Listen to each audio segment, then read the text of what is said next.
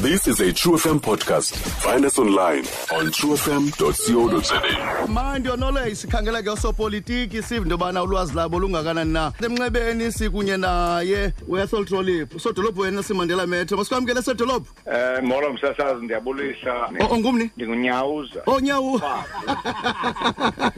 uthahla thahle ndayeni ndiyabulela nyawuza siyakwamkela enkqubeni namhlanje. Ninjani kodwa? Msasazi andiphilile noko wena. Kuhle kuhle kakhulu kuhle kakhulu. Eh ezi noko ezintsuku zimbalwana zikuphethe njani office njengosodolophu eNelson Mandela Metro? Ingakumbi njengoba eh uauditor general eveze into yobana umasipala wakho ngoyena yena eh ochithe imali engapha kokuqonda. Msasazi ezi ntsuku ezidlulileyo hayi mandikuxelela inyani uba bezinzima eh kakhulu ngoba namhlanje besizimisele ecouncileni sizawupasisa ibudget yethu.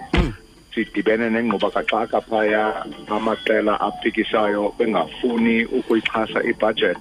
Okay. So ngoku sishiyeke neentsuku eziyi-seven phambi ke sibuye ecouncileni lebhekzayo sizame kwigame yesibini kodwa into ebalulekileyo uba noba kulawula bani bakho budget eyipasisiweyo ecouncileni uluntu lona wasenelson mandela bay abazawuzifumana iinkonzo abazixhamlayo Sure. Eh umhlambi umntana okhulayo sodolophu okumameleyo esiva uba ungumeya weNelson Mandela Bay Municipality ungathi kuye mhlambi umhlambi uzixelela uba hey xa ndimdala ndiyafuna uba yimeya eNelson Mandela Metro. Ngumsebenzi olula ngumsebenzi eh o- noko onothi hayi eh uyenzeka uyamkhuthaza makawenze. Msasazi mandiyibeke ngeli hlobo. Um zange ndibe ngumeya. Um bendingumgqatswa sisimisele uba sizawuphumelela ukuphatha apha enelson mandela bay kuze sikwazi ukuimplimenta iipolicies zethu nemanifesto ye-democratic alliance. Okay. asikwazanga ke uphumelela ukuba liqela elinesikhulu apha enelson mandela bay ngoku ndikhokela i-coalition government. Loo nto ithetha ukuthi um funeka usebenzisane neminye imibutho and ndicinga uba ibalulekile loo nto ngoba emzantsi afrika into efunwa lilizwe lethu u- yile nto uba abantu basebenze kunye ukusombulula iingxaki zabantu and kuze sikwazi ukuphucula imeko yabo ekuhlaleni.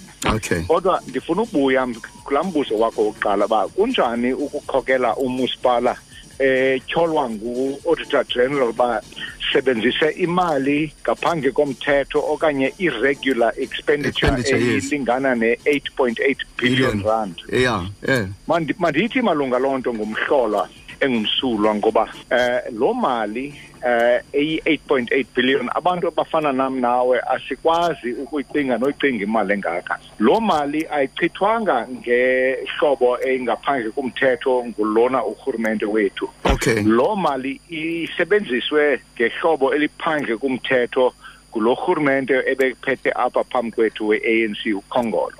Now into ebalulekileyo kulo irregular expenditure ayithi ba loo mali yonke ilahlekile okanye ibiwe ithi njena ba ichithwe ngehlobo eliphandle komthetho phandle komthetho okay and umasipala olandelayo emva kumnelson mandela bay uchithe i-1.3 billion ephandle komthetho loo nto ithetha ukuthi thina sihamba phambile ngosebenzisa imali ephandle komthetho and loo Okay. nto ichaza uba yiyo le nto abantu basenelson mandela bay bavotele utshintsho apha enelson mandela bay ngoba nabo berhuqukile abantu balapha ngemeko ibiqhubeka apha ngaphambi kwethu ngoba Okay.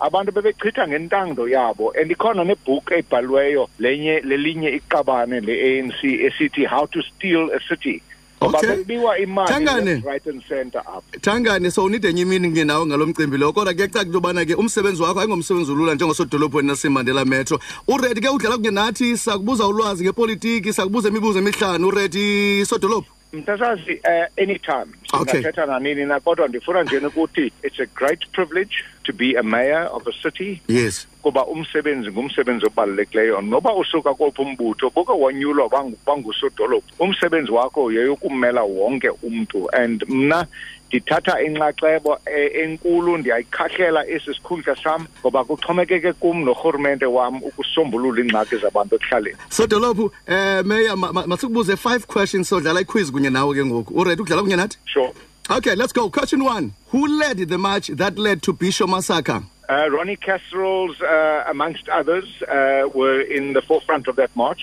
and uh, Yes, okay. Question two. When was the National Party disbanded? it was banded. Uh, In which year? pri- prior to 1994, they then became the new National Party in 1995.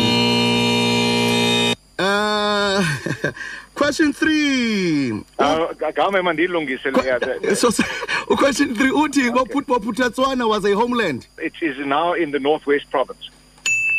Uh, question four. True or false? The PAC was formed by a breakaway faction of the ANC. True. Okay. Uh, the last one. Who is the first female president in Africa? Um, uh, Ellen Sirleaf. Oh, yeah. Uh, so Dolopo, out of five. Ufumene, four out of five. Well done. Uh, Mayor, uqhubeka kahle kakhulu. Siyabulela kakhulu msas- msasazi. Nkosi kakhulu ngodlela ukungenathi kwi-LPL. Sure. All right. Uh, Mayor Sodolopu, Nelson Mandela Metro Ethel Trollip. Stream True FM online on truefm.co.za. sikho yonke indawo ngalo lonke ixesha like no one else